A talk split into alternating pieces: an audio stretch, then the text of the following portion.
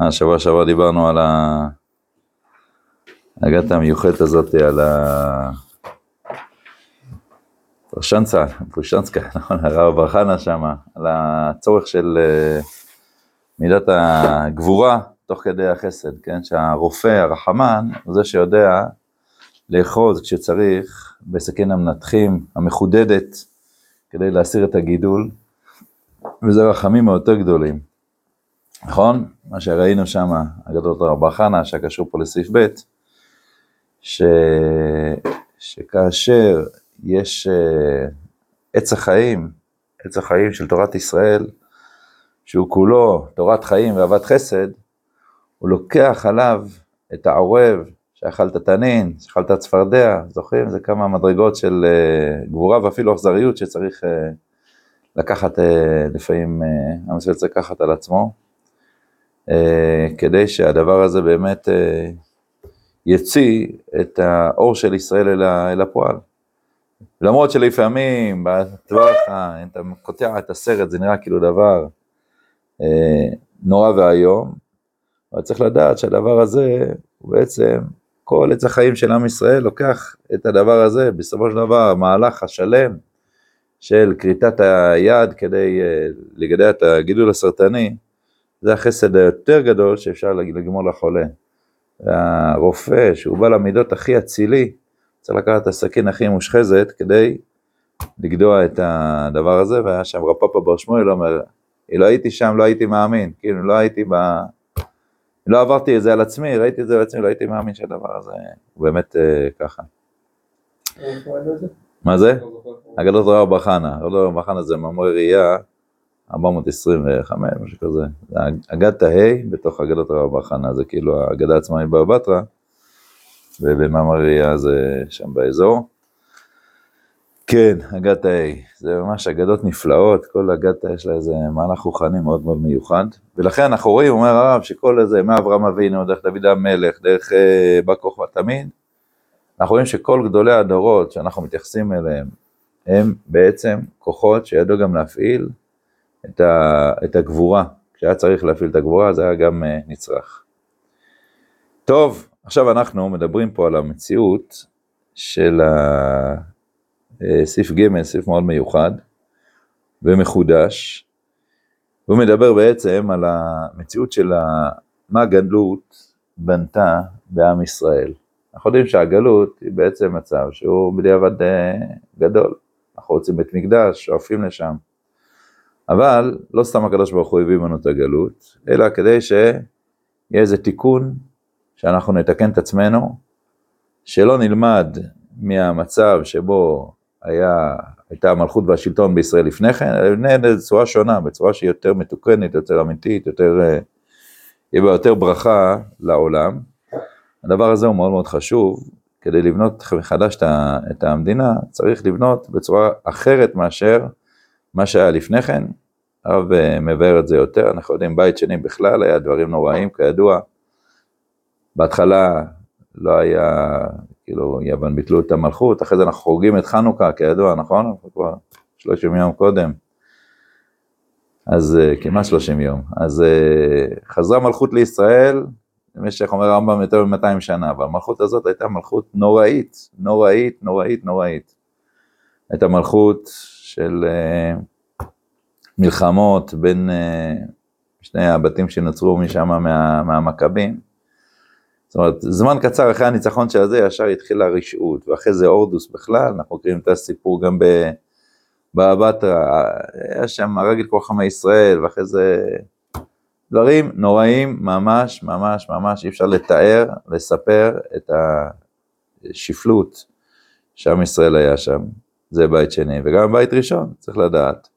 היה דוד, דוד, דוד ושלמה, שבאמת היה דברים, ימים אה, מלאי הוד של הקמת בית המקדש, אבל גם בימי בית ראשון, חוץ מעבודה זרה שלצערנו פסתה אה, בכל מיני דורות שמה, אה, אבל אה, כן, לא נדבר על מלכי ישראל, שהיה הרבה עבודה זרה, אבל גם מלכי אה, יהודה, ישר אחרי שלמה, רחבעם, נכון? איזה עצה הוא קיבל מהחבר'ה, מהיועצים הצעירים שלו? אמר, אני, אני אבי ייסר אתכם בשוטים, אני אייסר בעקרבים. זאת אומרת, השלטון של המלוכה היה שלטון מאוד אימתני, כן? מאוד uh, ככה, שלא מוכן, uh, מנהיג את המלכות בצורה מאוד מאוד uh, של uh, פחד, כן? מה שמזכיר לנו היום את, uh, לא יודע, אולי משהו קומוניסטי, משהו כאילו מה... שכולם משקשקים עד היום, חבר'ה פה שגרים, אתה רואה, רובם לא שמים, שאלו מרוסיה, לא שמים את שם המשפחה. שאלתי לה, למה אתה, אתה, לא, עדיף שלא ידעו מי אנחנו, לא, כאילו איזה משהו כזה מאוד, אה, עדיין אה, איזה פחד שטבוע בלבבות, מהשלטון, מה... זאת אומרת, ההנהגה של השלטון הייתה על ידי עקרבים, כן? אפילו שאול, כשהוא בהתחלה מלך, נכון, היה שם את הסיפור, תראו איזה מצב מעולה אנחנו היום, לעומת מה שהיה שם. תושבי גלעד, נכון, הם אה, היו שם, אה, היו שם, בקיצור, היה שהייתה את ה... רצו שם בני עמון לעשות, היה צריך לשחוט בהמה, זה מרב אה, קשתיאל, איך שהוא תיאר את זה. צריך, צריך לשחוט את הזה, ממש לעשות, להגיד, מי שלא יהיה ככה, אז הוא לא, אנחנו נהרוג את כל מי ש... נכון, כל מי שלא, אני אשחט אותו ככה. תחשבו היום שהממשלה הייתה צריכה לשלוח לכולם. מי שלא יבוא להילחם למען תושבי עזה, למען אה, האלה, נשחט אותו, כולם איזה. טוב, אנחנו כנראה במצב יותר טוב, כן? זאת אומרת, שם השבט אה, שם של אה, יושבי גלעד היה צריך להתמודד לבד, אם לא היו מפחידים את כולם, היה צריך ממש התמודדות עצמאית עם ה... כל אחד בשבטו, זאת אומרת, היה צריך לבנות פה מלכות בצורה שלפעמים השתמשה בהפחדות, הפחדות שהיום לא היינו מסתדרים איתן, כן? אומר הרב, נראה סעיף ג', עזבנו את הפוליטיקה העולמית מאונס שיש בו רצון פנימי. כמובן היציאה לגלות היא אונס גדול, אנחנו היה לנו צער עצום מהדבר הזה. הפיזור של ישראל, גם בית ראשון, גם בית שני, זה כמובן היה דבר נורא ואיום, אונס גדול, אבל יש בו רצון פנימי. מה הכוונה? יש איזה תיקון שאנחנו למפרע יודעים שהיינו צריכים לעבור, והגלות אמורה לזכך אותנו מהצורה של המלכות שהייתה, ואנחנו אמורים להגיע לצורת מלכות אחרת בעזרת השם. עד אשר תבוא את מאושרה, שאפשר לנהל ממלכה בלא רשעה וברבריות, כן? זאת אומרת, יהיה אפשר לנהל ממלכה בלי, אה, אני יודע, בלי הקומוניזם, בלי המציאות הזאת שכאילו כל מי שזה, ישר הורגים אותו, וברבריות. עם ישראל מחכה לנהל את המלכות אחרת. כמובן שכלפי חוץ, כלפי מלחמות, אנחנו יודעים, אנחנו נראה את זה אולי בעינייה אחרי זה, אבל אה, גם בימות המשיח, הרמב"ם אומר שיהיה מלך המשיח, הוא עושה מלחמות השם, כלפי הגויים עדיין צריך ממלכות, כן? יש מחלוקת שנראה בעזרת השם. רבי אליעזר וחכמים, איך הדבר הוא בעצם ביחס ל... ל... יש ימות המשיח, יש כמובן עוד מדרגה אחרי זה, שהיא העולם הבא, המציאות שהיא באמת בלי מלחמות, אבל ודאי שעם ישראל הוא לא מחכה להעמיד את המלכות רק במציאות של העולם הבא. שמואל אומר, אין בימות המשיח אין בעולם הזה למות המשיח, אלא שעבוד מלכויות. מה הכוונה שעבוד מלכויות? המלכויות לא משעבדות אותנו, אבל בוודאי שאנחנו צריכים להחזיק צבא. זאת אומרת, גם כשתבוא את מאושרה, נצטרך כמובן צבא, אבל ההתנהלות הפנימית הממלכתית שלנו לא תהיה בירישה ברבריות. לא צריך לשחוט כל פעם איזה, איזה זה ולהגיד מי שלא יבוא אנחנו הולכים לשחוט אותו, כן? לא, זה לא יהיה בצורה כזאת. אנחנו מצפים ל... מצב, ככה הוא כותב לפני מאה שנה, וברוך השם, היום אנחנו רואים שהדבר הזה הוא מתחיל להתהוות, כן? כשבאים מול הקיבוצים שם של עזה, לא משנה אם אתה מזדהה איתם, אנשים אה, אוהבים את דרכם, לא אוהבים את דרכם, זה ברור לכולם. 150 אחוז גיוס, בלי לשחוט אף אחד, בלי זה אנשים, אה, זה, זה דבר שלא קיים. בשום מקום בעולם, כשיש סכנה קיומית למדינה, אנשים מנסים לברוח.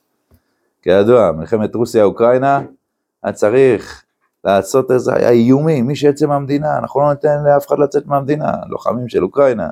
אנשים, אה, גברים ניסו זה, לא אסור, היה איסור לצאת מהמדינה. כל אחד אנחנו חייבים אותו לצבא, כן? שם זה המלחמה קיומית, לא משחק ילדים כמו אצלנו, כן? גם שאצלנו זה אכזרי, אבל זה לא, זה, זה ממש מלחמה קיומית, רוסיה הלכה לטרוף אותם, כאילו, בלי בכלל... אה, ועדיין, היה צריך איומים מאוד מאוד גדולים, כדי שהם, אה, אה, לפחות חלקם הגדול צריך כאילו לאיים עליהם, כדי שיבואו להתגייס לצבא. אומר הרב, אנחנו מחכים לזמן אחר. אנחנו רוצים הנהגה כזאתי, שיהיה אפשר לנהל אותה בלי רשעה וברבריות. זה הזמן שאנו מקווים. אנחנו מקווים שיהיה מצב כזה, שכשמלך המשיח ירצה להוציא אנשים למלחמה, הם כמו מגנט יאספו אליו. זה לא יהיה מתוך זה, יש כל מיני uh, סוגים של מפקדים בצבא, יש כאלה שמאוד uh, ככה משדרים uh, הפחדה. והאידיאולוגיה שלהם, כאילו שמתוך ההפחדה הזאתי, אז אנחנו, כאילו, צריך את האנשים שיהיו איתי עד הסוף, ואם לא, אם לא יפחדו ממני, אז uh, בסוף בזמן הקרב הם התחילו להגיד, אה, לא בא לי, כן בא לי, אני צריך כל אלה לשדר להם פחד, ועל ידי הפחד הזה, אני, אני אצליח. אבל יש אנשים שהם אחרים. זוכר ש... עבר קצת זמן, אה, הלכתי מילואים, ב... יש מוצב בחרמון, שבאתי, אמרו, שמע, יש פה איזה מ"פ וזה, מאוד, uh, באתי שם, חבר'ה של טנקים שהיו מסופחים לפלוגה של גולני. שמע, יש פה איזה מישהו, מ"פ, כולם איתו ברמה שאתה לא מאמין, והוא בא אלינו ודואג לנו. טוב, אני מגיע לשם, אני רואה מי זה המ"פ, בחור שהוא בעצם, uh, קוראים לו דגן ורטמן, השם ייקום דמו. הוא בעצם היה שם מ"פ, ואני כאילו מסתכל איך הוא מפקד על החבר'ה. מדבר בשקט, מדבר רגוע, וכולם כמו מגנט נצמדים אליו. אומר, הגיעו עכשיו זה, אומר, די, הגיעו עכשיו חבר'ה משריון, מי עושה להם סיבוב ממוצע? לא, לא, ישר אנשים באים, אני, אני, אני. זה היה נראה לי כאילו באמת איזה מחזה מאוד מאוד לא, לא רגיל ולא מצוי. אה, סתם ברוך השם, אחרי זה נפגשנו, דיברנו. אה, וכאן דיברתי גם עם חבר'ה, פשוט הרגישו כמה הוא אוהב אותם, כמה הוא דואג להם ברמות שאי אפשר בכלל לתאר ממש, כאב מסור לבניו ברמות ש... וזה פשוט הדביק אותם אליו בצורה כזאת שלא היה צריך שום דבר. לא היה צריך הפחדה, לא היה צריך משמעת חיצונית, כי הכל היה אה, כוח פשוט של איזה דבק פנימי שהם פשוט אה, מבחינתם, זה היה הערצה מבפנים, שהם היו איתו באש ובמים. אה, וזה מאוד מאוד קריטי הדבר הזה, מאוד קריטי לצבא, וברוך השם שאנחנו נמצאים בדרך הנכונה במובן הזה. זה הזמן שאנו מקווים, כן, אומר הרב, אנחנו מקווים לדבר הזה, שכמובן לשפר בכלל בצבא, במדינה, אבל היסוד הזה, שלא צריך רשעה וברבריות כדי לגייס אנשים לצבא, זה דבר שהוא, ברוך השם, מתקדמים בו מאוד מאוד מאוד. מובן הדבר, אומר הרב, שכדי להגשימו, אנו צריכים להתעורר בכוחותינו כולם, להשתמש בכל האמצעים שהזמן מביא. הכל יד כל בורא כל עולמי מנהלת, כן? אנחנו מצידנו מנסים לקדם, כן? שהרב פעל למען הצהרת בלפור, כשהרב של לונדון, ואנחנו מנסים כמה שיותר לקדם את המציאות מבחינה פוליטית, שבאמת יהיה אפשר להקים מדינה וישראל יוכלו אה, באמת אה, להקים מלכות כמה שיותר אה, צריך, כן? כמה שיותר מהר. אבל האיחור הוא איחור מוכרח. בחלה נפשנו בחטאים האיומים של הנהגת ממלכה בעת, צרה, בעת רעה.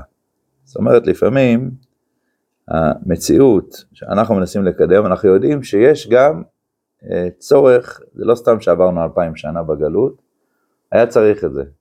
זה לא איזה משהו מקרי, זה לא משהו... אה, אה, זה, יש פה באמת איזה ריפוי מאוד מאוד גדול שהיינו צריכים לעבור, כמו שכתוב לגבי אה, שמיטה, אז, אז תרצה הארץ את שבתותיה, כל מי השמה מהם, זאת אומרת, המציאות של שמיטה ויובל, שהייתה צריכה להיות בעם ישראל, שככה אדם מפקיר את שדותיו, ויובל, משחרר את העבדים, כל אחד חוזר לאדמתו, זו מציאות שכשהיא לא הייתה, היא טימאה את הארץ, והארץ צריכה, לאט לאט הארץ צריכה אה, להשתחרר מהטומאה הזאת, ועם ישראל גם צריך בעצמו, בגלות, לנקות עצמו ממה שהוא התנהג, והגלות היא לא רק אה, סתם איזה עונש, אלא היא באמת פועלת איזה טהרה, היא פועלת איזה תיקון, איזה ריפוי גם בארץ וגם בעם, כדי שיוכלו להיפגש אחרי זה, כן? אפשר לדמות את זה, המציאות של הגלות, כמו איזה אה, זוג שהגיע למציאות כזאת, שהתקשורת שלהם נהייתה מאוד מאוד קשה, כל אחד כאילו ממש אה, שיגע את השני,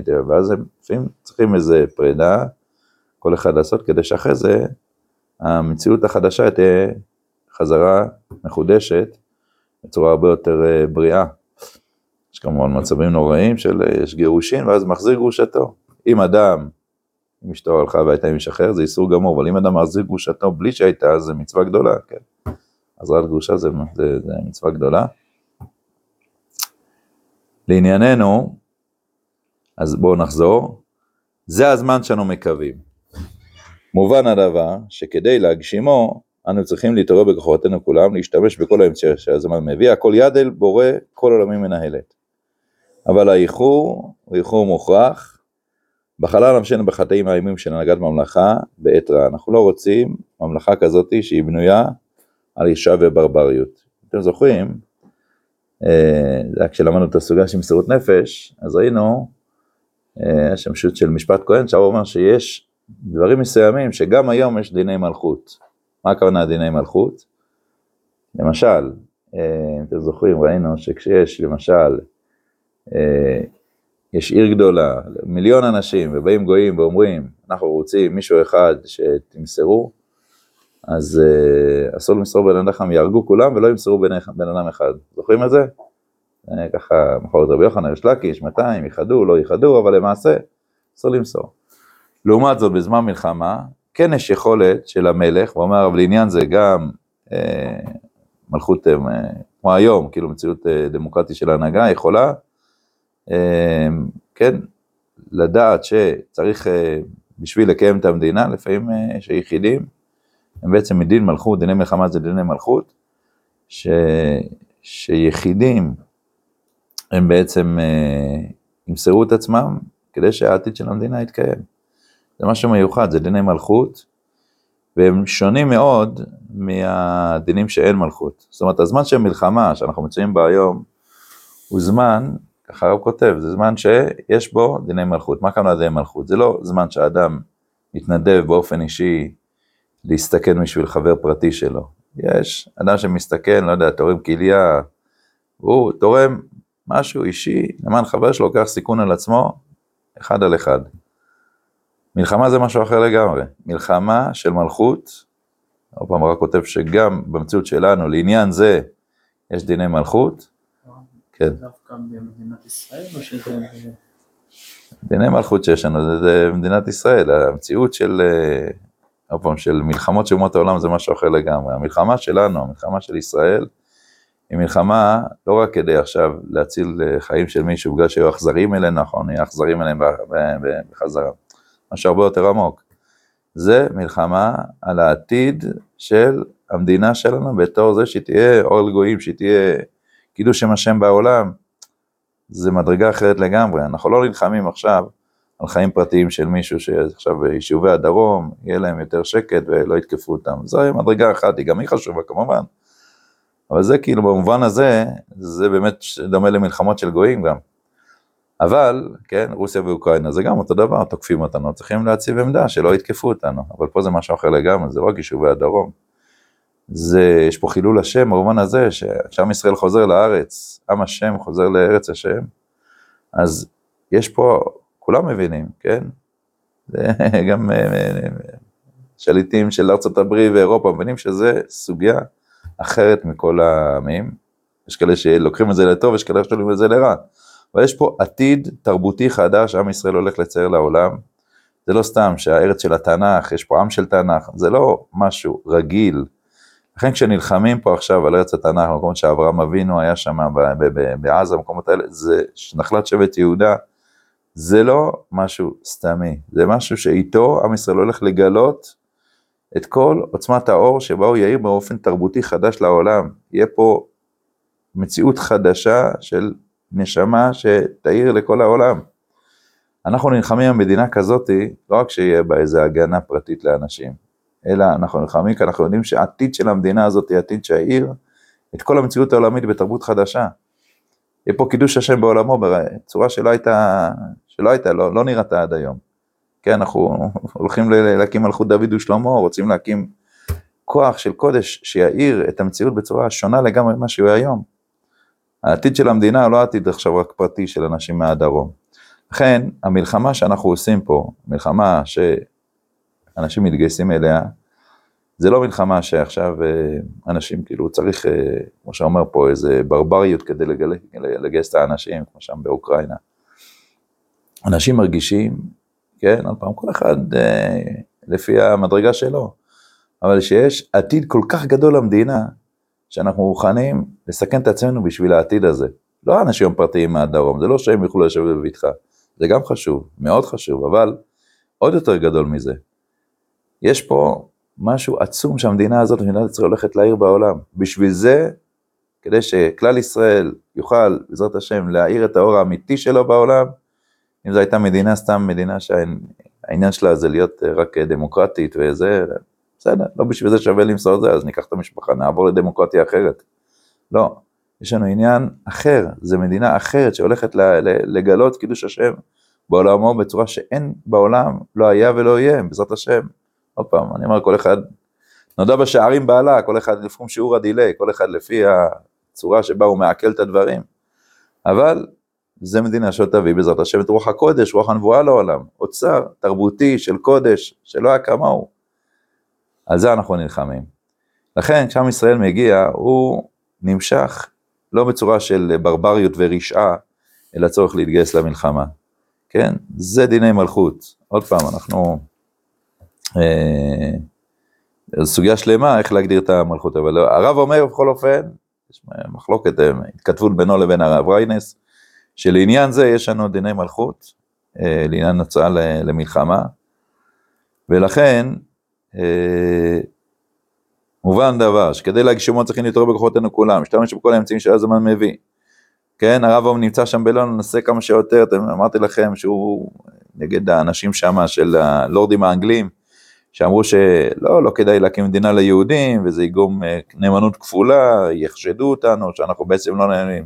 הוא נלחם נגדם, מה זה הבגידה הנוראית ביותר בעם ישראל, פרסם מאמר על דבר הבגידה הגדולה, והרב כמה שיותר ננסה להביא, מבחינה פוליטית כמובן, שיהיה את המנדט הבריטי ושמתוך זה תקום מדינה, אבל הוא יודע שעל האיחור הוא איחור מוחלט, כן? יש בכוונה עיכוב בדבר הזה של הנהגה כי צריך עוד איזה ריפוי אה, כדי להגיע באמת ל, ל, למציאות השלמה.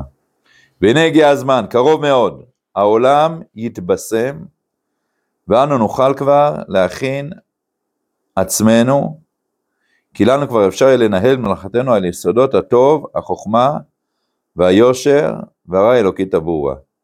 זאת אומרת, לאט לאט העולם מתבשם, בישום העולם זה דבר שנמצא אצל הרב בהרבה מקומות, והכוונה בישום שהעולם מבפנים מתחיל להתבגר, כן, ריח בסמים זה ריח פנימי, אתם יודעים שבחטא אדם הראשון הוא חוטא בכל האיברים, בראייה, ראית, אז בטעימה של, ה, של, ה, של, ה, של העץ, אמ, במישוש, בנגיעה, אבל בריח לא הייתה שום פגיעה. לכן אנחנו במוצאי שבת מלווים את המלכה על ידי בשמים, נכון? למה? כי זה דבר שהנשמה נהנית ממנו.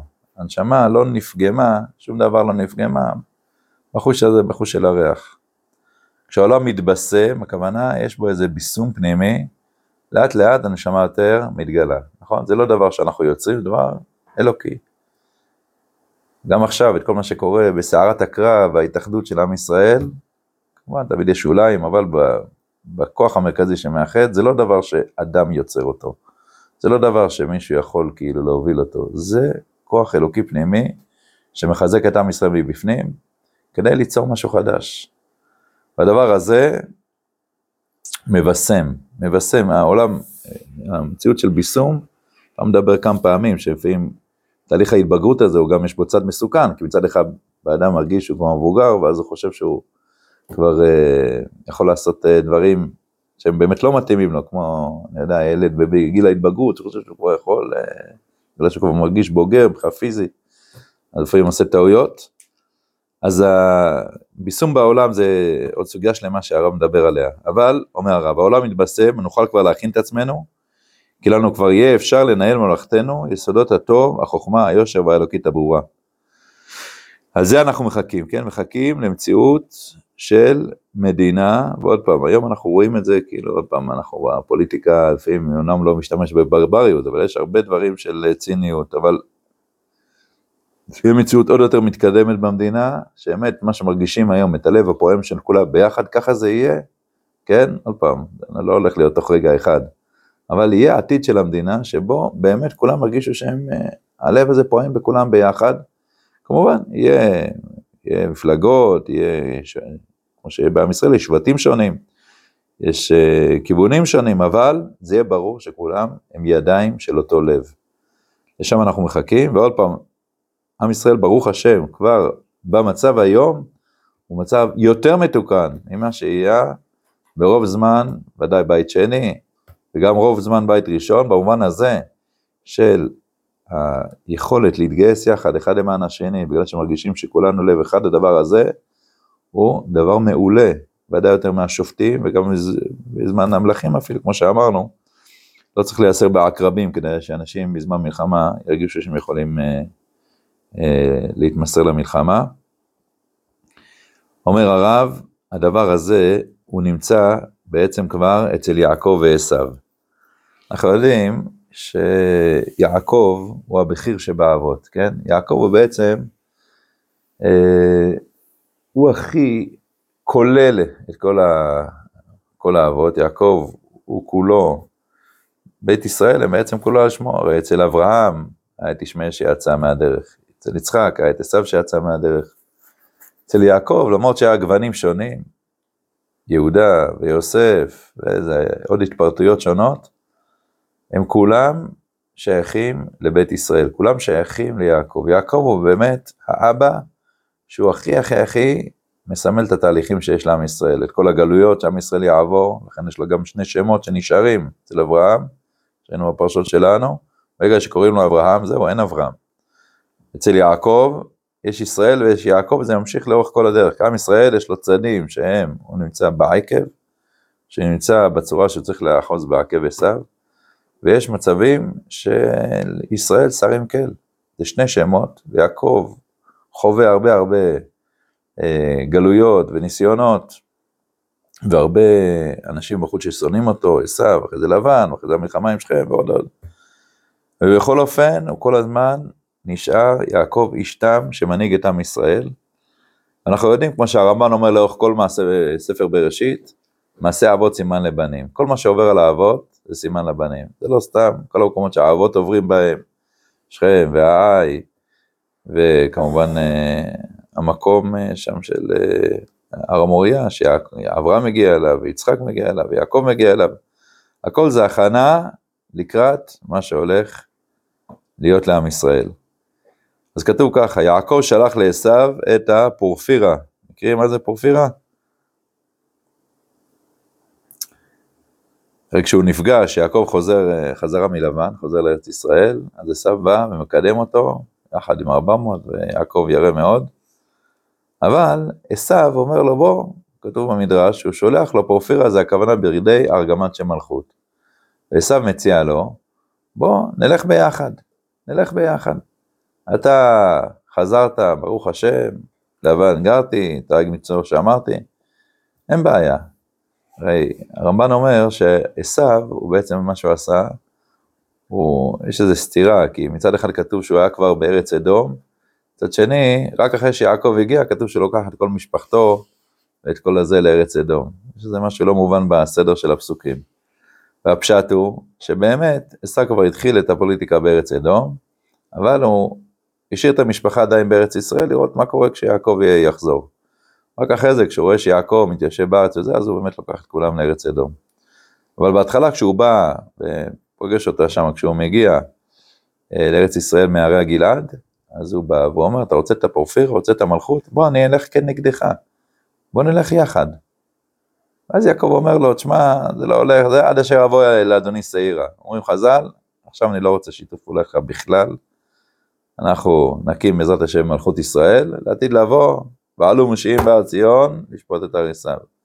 כרגע אנחנו מחכים. יעקב שלח לעשו את הפורפיר, אמר, לא רוצה כרגע למלוך, בסדר? אתה רוצה, אתה רוצה, קח את הפורפירה. יעבור נא אדוני לפני עבדו. אתה אדוני יכול לעבור לפני עבדו, קח את המלכות שלך לשעיר. אין הדבר כדאי ליעקב לעסוק בממלכה, כן? זאת אומרת, זה מעשה אבות, סימן לבנים, שיהיה מצבים כאלה שישראל עדיין ירגישו, זה עונש שיש בו רצון פנימי, שעדיין המלכות לא מתאימה להם.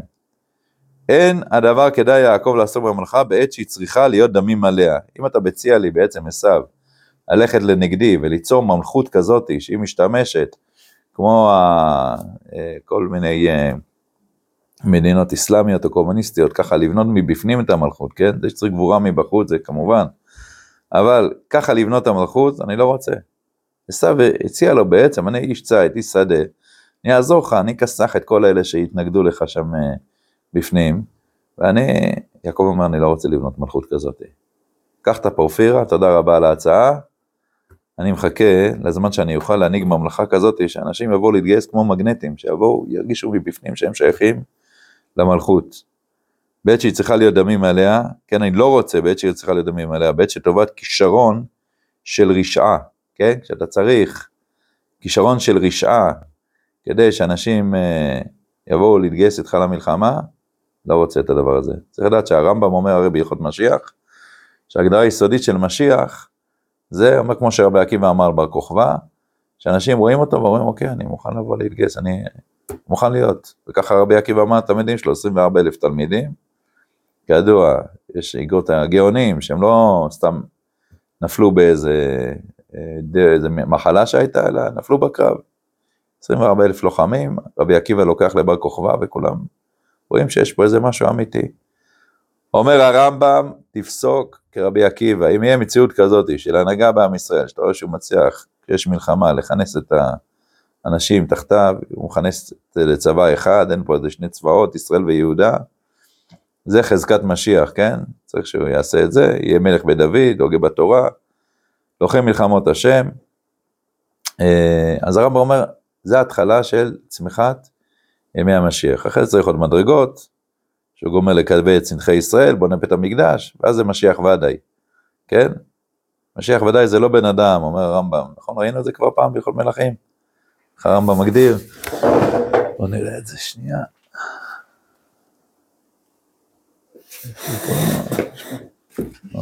יישר כוח.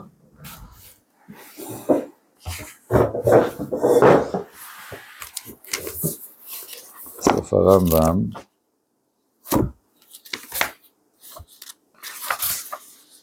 בהלכות מלכים הוא מגדיר איך בעצם, אה, מתי אתה רואה הנהגה כזאת שאפשר ללכת כרבי עקיבא ולהגיד, שמע, יש פה איזה משהו שהוא, יש לו חזקת משיח ובהמשך משיח ועדיי. שנייה אחת. כן.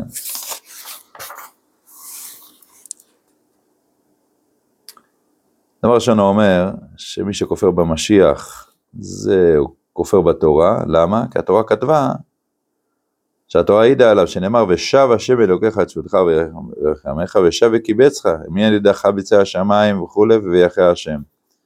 למרות שלא כתוב שם משיח, אבל קיבוץ גלויות זה מציאות של משיח, כך אומר הרמב"ם.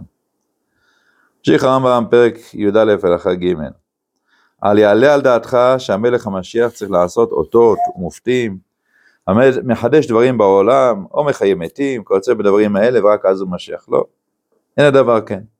שהרי רבי עקיבא, חכם גדול מחכמי משניה, הוא היה נושא כליו של בן כוזי והמלך. הוא היה אומר עליו שהמלך המשיח. ואין ספק שאם רבי עקיבא ככה אמר, אז הוא בא להגיד הלכה לדורות, הרמב"ם מביא את זה בתור הלכה לדורות, תדע לך.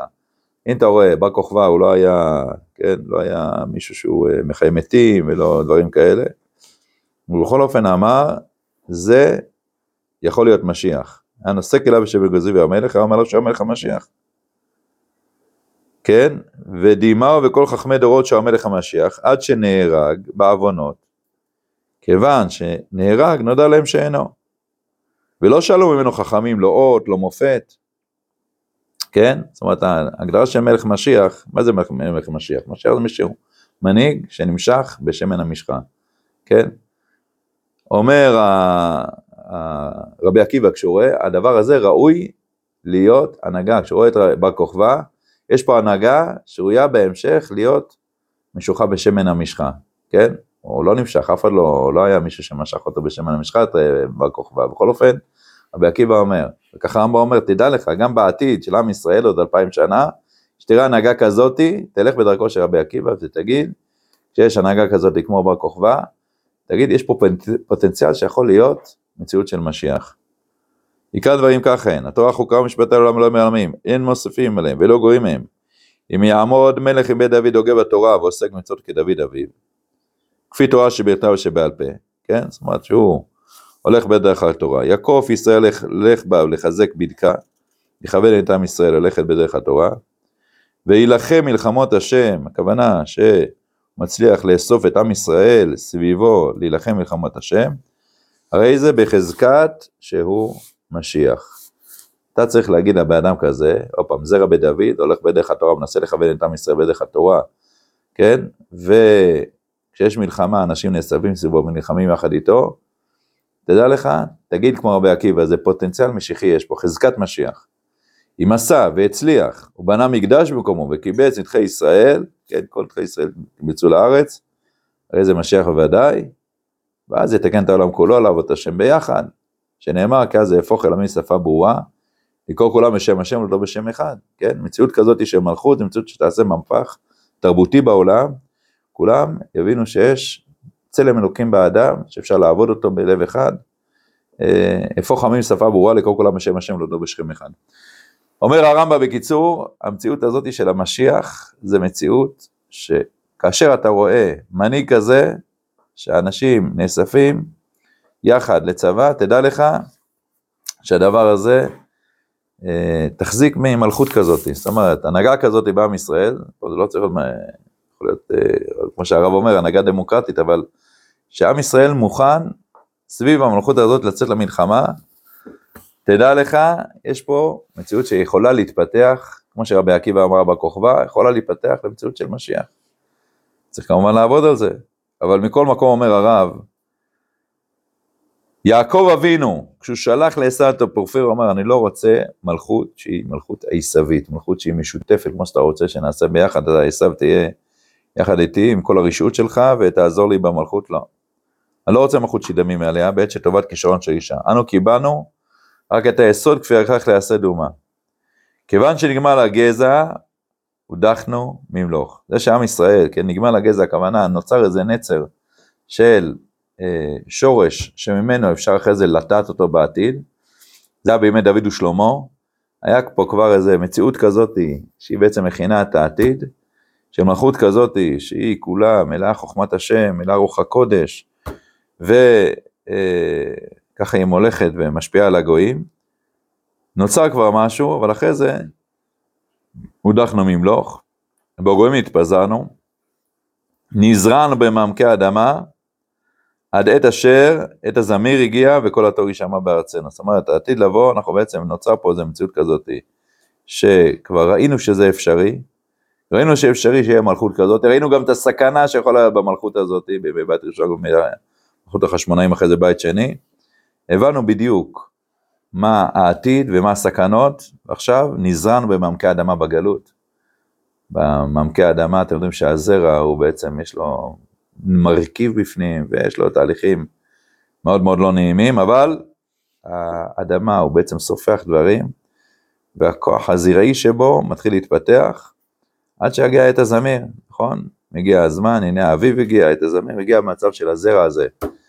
אה, למלוך את צמח דיבד עבדך מה תצמיח, קרנות אור משורתך, כן? יש כוח של צמיחה, לא סתם כתוב בתפילה, שמלכות דוד היא כצמח, זאת אומרת היא הולכת כמעט כמעט צומחת מהאדמה, הזרע הזה שנזרע, אלך, וכל התור יישמע בארצנו. אז למה לקח זמן מדוד ושלמה עד הגלות? מדוד ושלמה עד הגלות הכוונה, עד שעם ישראל גלה, היה שלבים שונים של אה, של ההידרדרות של המלכות, המצב שכבר אה, באמת לא, לא התרופה אלא גלות, כן? כמו שחס שלום, יש מציאות של, אה, אה, בתור משל, כן, זוגיות, שעוד אפשר לתקן אותה, ויש מצב שהיא כבר צריכה חס שלום להיפרד. אבל אם הגלות היא לכתחילה. לא, הוא לא אומר שלכתחילה במובן הזה שאנחנו אומרים, יאללה, שיהיה לנו גלות, אלא יש פה אונס שיש בו רצון פנימי. זה היה אונס, אנחנו ניסינו שזה לא יהיה. אבל, לאחר שזה, יש דברים שאנחנו רואים אותם למפרע, היה פה איזה, גם אה, משהו אמיתי שגרם את הגלות. הגלות צריכה לעשות תיקון.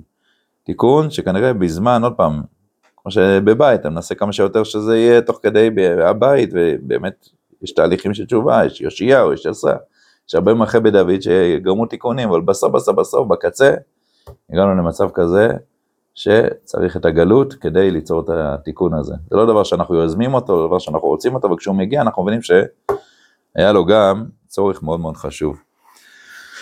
עכשיו ננסה טיפה להרחיב, יש לנו רק קצת זמן, אבל uh, יש פה סוגיה שהיא משיקה לדבר הזה. פה הרב בעיקר מדבר על המלכות, איך היא בעצם uh, מבססת את הדברים כלפי uh, פנים, בלי רישה וברבריות. אבל כמו שאמרנו, המלך המשיח, בזמן ימות המשיח, אומר שמואל, וככה פוסק הרמב"ם, עדיין יצטרכו מלחמות כלפי חוץ. אנחנו לא נחכה עד שהעולם כולו יגיע למצב שאין שום מלחמה ורק אז יעמוד מלך המשיח. הרמב"ם אומר, זה לא ככה, הוא צריך גם להילחם עדיין, גם כשמלכות יצטרכו מלחמות כלפי חוץ. אבל יש פה איזה מחלוקת מאוד יסודית בין היה, שבת ב' בפרק שישי.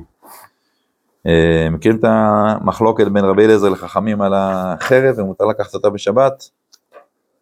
מחלוקת יסודית מאוד, נראה, לא נראה את כולה, אבל נתחיל אותה לפחות. האם החרב היא תכשיט או לא תכשיט? מותר לצאת עם תכשיטים בשבת, אבל אסור לצאת עם הסרט. נכון, נכון, נכון, נכון. התלבטתי. מה? סתם של החבר'ה וזה. יש דיון, אם אני יודע להפעיל את זה, אז יש לזה פחות בעיה. לא? נכון, נכון, נכון. למשל אה, חיילים שבהתחלה נותנים להם בטירונות נשק.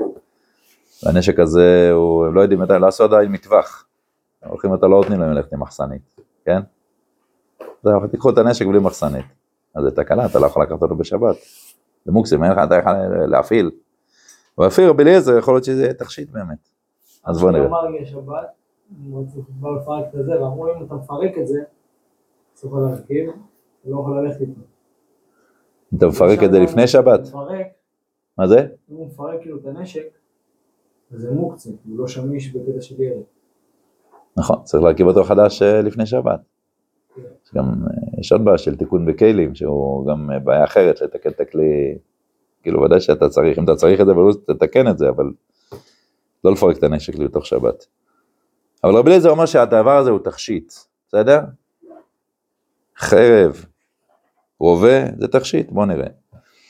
מחלוקת בפרק שישי, דף ס"ג, אה, סעיף מ"ב. זה עמוד 96, לא יצא איש לא בסייף, לא בקשת, לא בתריס, לא בעלה, לא ברומח, ואם יצא חייב חטאת. חכמים אומרים, זה מסוי, זה כלי של מסוי, שהוא בעצם אה, דבר שהוא כמו כל מסוי שעשו לצאת איתו ברשות הרבים. אבל אליעזר אומר תכשיטים הם לא, זה תכשיטים, כמו שתכשיט של אישה יכולה לצאת איתו לרשות הרבים, אומר אבל אליעזר, גם חרב, גם אקדח או רובה, או כמו תכשיט שאפשר לצאת איתו לרשות הרבים חופשי, זה כמו בגד, זה כמו תכשיט. חכמים אינו אלא לגנאי, מה פתאום תכשיט? זה גנאי. שנאמר, וכיתתו חרבותם לעיתים, וחניתותיהן למזמרות. לא יישא הגוי אל גוי ולא ינדו עוד מלחמה, אז מה אנחנו רואים פה בעצם? חכמים אומרים, בגלל שאתה רואה שבעתיד לא יצטרכו את זה, זאת אומרת שהצורך של זה עכשיו הוא צורך שימושי, הם לא חולקים על זה, צריך, צריך נשק, כן? כמו שאתה אומר, צריך, אה, כמובן שיש סכנה, צריך לקחת נשק, אבל אי אפשר לקרוא לזה תכשיט, כן? אם אתה צריך, אתה צריך, כן? אבל להגיד שזה תכשיט, זה המחלוקת, ונראה בעזרת השם שיש שתי הבנות במחלוקת הזאת. מחלוקת אחת שהם חולקים על ההווה, מחלוקת שנייה שהם חולקים על העתיד. האם בעתיד, יכול להיות שבאמת לא יישא גוי לגוי חרב כלפי השני, אבל עדיין יהיה מציאות של חרב בתור תכשיט, כמו שנראה. אז בואו נתחיל, לא נספיק את הכל, אבל לפחות נתחיל. לא יציע איש לא בסייף, לא בקשת. רבי אליעזר אומר תכשיטים הם לא. מסביר הרב, הגבורה שהיא לעצמה היא תכשיט. זה לכולי עלמא, גם לפי חכמים וגם לפי רבי אליעזר, כוח הגבורה שיש באדם זה תכשיט פנימי. מה הכוונה? זה כלי מאוד חשוב לאדם, כדי שיוכל להפעיל אותו כשהוא צריך, כלפי כל מיני דברים. הרב כותב באיגרת למנהלי תלמוד תורה, אתם צריכים לחנך את הילדים הרבה יותר פשוט, ללמד את הילדים, להיות ממושמעים, להיות בעלי ענווה, להיות בעל דרך ארץ, אבל תחנכו אותם גם למידת הגבורה. גם זה צריך. תחנכו אותם לרבי עקיבא, שראו שסרקו במסקות של ברזל והוא לא נכנע. גם מידת הגבורה נצרכת לחינוך של הילדים. למה? כי כוח הגבורה הוא כוח מאוד מאוד חשוב באישיות של האדם. בניגוד לנצרות, שהיא אמרה שצריך פשוט אה, רק לשחרר את הרוצחים ולחבק אותם ולאהוב אותם וזה יסדר את החיים. לא, כוח הגבורה, גם מציאות כזאת שאדם צריך, כמו שאנחנו רואים היום, כדי ללכת להתגייס, צריך גבורה, צריך גבורה של לקיחת אחריות לכלל ישראל. וגם בישיבה צריך מידת גבורה, אנחנו רואים שעם ישראל נמצא במצב של, אה, של התגייסות, זה גם בעצם כוח הגבורה, הוא זה שגורם לנו לקחת עוד משימות, עוד אה, דברים, למתוח את הכוחות, זה מידת הגבורה. המידה הזאת היא מידה שהיא בהחלט תכשיט לכולי עלמא, זאת אומרת זה כלי יפה ואמיתי ועוצמתי מאוד, פנימי, זה לכולי עלמא, גם לפי רבי אליעזר וגם לפי רחמים. הגבורה שהיא לעצמה היא תכשיט, עוז החיים בכל אופן הוא טוב ונאה, כן? אנחנו לא נוצרים. יש איזה שיר כזה ששרים, נכון? מחשבות טובות, דיבורים טובים, אבל חסר שם משהו, מעשים טובים. צריך להתגבר וכשצריך לעשות מעשים, כן? הנצרות נגמרת במחשבות ודיבורים, לא. צריך להגיע, להיות גיבור מספיק כדי להביא את זה לעולם המעשה. אז שומעים פעם בחתונות שרים את זה, תמשיכו מעשים טובים, לא נשאר רק במחשבות ובזה, זה לא מספיק, בסדר? אומר הרב, הגבורה היא תכשיט. עוז החיים בכל אופן הוא טוב ונאה והיא טבעה מחוברת עם גבורת הנפש, שהיא באה דווקא עם טהרתה ויושרה, אדם טהור וישר, רואה משהו מעוות, אז הוא מתגבר. הרמב"ם, כשהוא מביא במורה נבוכים, פרק לב עד מוח, בחלק שני של מורה נבוכים, פרק ל"ב עד מ"ח, הוא בעצם מתאר איך רוח הקודש הולכת להתחדש בעם ישראל. והוא אומר, לומדים את זה ממשה רבנו. מה השלב הבסיסי הראשון, שהוא בעצם השלב שעם ישראל צריך ללכת בו כדי שבסוף יהיה מציאות של רוח הקודש, בוא תראה את משה. משה רבנו, כשהוא רואה עוול, הוא לא נשאר בצד. הוא רואה שם את בנות יתרו, רואה שלא נותנים להם שם מהבאר, הוא יודע שרודפים אחריו, הוא יודע שהוא צריך כמה שעות להתחבא, בכל אופן הוא לא מתחבא מאחורי השיחים, הוא קם ומתגבר ואומר, מה זה הדבר הזה? למה אתם לא נותנים לי לשאוב אה, מים?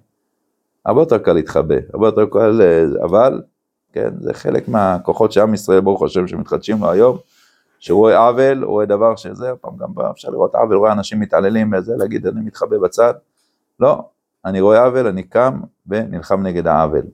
ככה משה רבנו לאורך כל הדרך, עוד כשהוא נמצא בארמון, הוא רואה איש מצרי, אחרי איש עברי, לא מוכן, הוא מתקומם נגד העוול.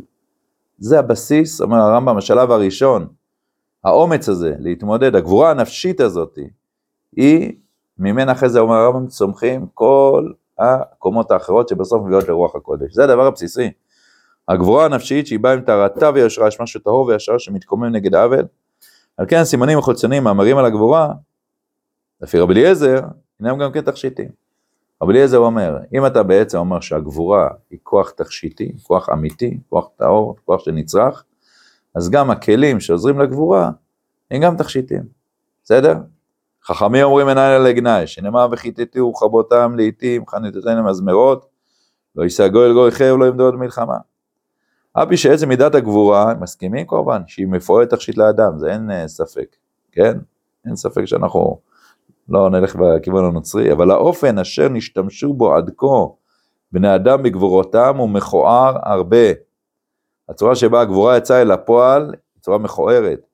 ואשר כלי הזין שהשימוש בו היה ברובו רק להרע, הוא מורה יותר על ההשחתה האנושית ממה שמורה על תפארת הגבורה הצפונה בקרבו. מה זה הגבורה? יש בברכות השחר, עוזר ישראל בגבורה, מתי מברכים את זה? הסדר המקורי של ברכות השחר זה כל פעם שאתה קם, שאתה פוקח עיניים, שאתה זה, אז אתה מברך, נכון? היום אנחנו עושים את הכל בסדרה אחת, אבל מתי מברכים עוזר ישראל בגבורה? מה זה? חגורה, קדשר ימני, כן. את שרי המנק, שהוא בעצם מחזק את האבנט שלו, את הגרטל, או המסביר המנק, הכוונה כמו, אה, כמו איזה אפוד כזה, אז מברכים עוזר יוסף בגבורה. מסביר הרב, מהי הגבורה העיקרית? הגבורה העיקרית, כוח הגבורה העיקרית, שאדם, יש לו כוח גבורה, שהוא בעצם יודע מה היעד שלו, לאיפה הוא מתקדם קדימה, וזה עוזר לו להתגבר על הצדים התחתונים שלו, שהם בעצם החגורה הזאת מפרידה בין הנתיב האמיתי שבו הוא רוצה להתקדם, לבין כוחות אחרים, שהוא העולם העליון של האדם, הוא זה בעצם שיכוון את הכוחות האחרים שלו, ולא הפוך. אז הגבורה ודאי נצרכת, אבל אומר הרב, הגבורה הזאתי היא, אה, כשהיא מתראה בצורה של חרב, זה כבר דבר שאי אפשר לראות אותו כתכשיט. לפעמים צריך את החרב, גם לפי חכמים, לפעמים צריך חרב. למשל, רופא מנתח צריך סכין וחרב כדי לנתח גידול, זאת אומרת, גם לפי חכמים, ודאי שאם יש גידול סרטני צריך חרב. אבל אומרים, אי אפשר לקרוא לזה תכשיט. למה? התכשיט כמו שהוא היום, הוא בעצם אה, משמש גם לגבורה פסולה. ולכן, אנחנו לא מוכנים לקרוא לזה תכשיט, ואסור לצאת עם זה בשבת לרשות הרבים. בסדר? זה חכמים, מחלוקת חכמים ורבי אליעזר.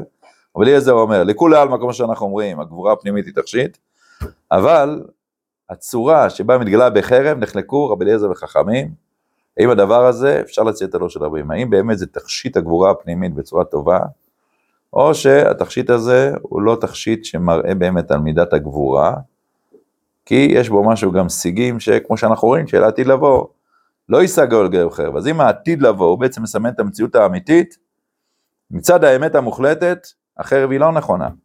גם מצד האמת המוחלטת בעתיד יהיה גבורה, אבל לא תתגלה בחרב כלפי אחרים, תתגלה בגבורה פנימית של האדם, ולכן החרב היא לא תכשיט אלא כלי מסוי. טוב, אנחנו עוד צריכים לפתח קצת את הסוגיה הזאת, רק ראינו את המחלוקת היסודית. אנחנו נעצור פה בסייעתא דשמיא, נמשיך את זה עוד בפעם הבאה. ברכה והצלחה בסייעתא דשמיא.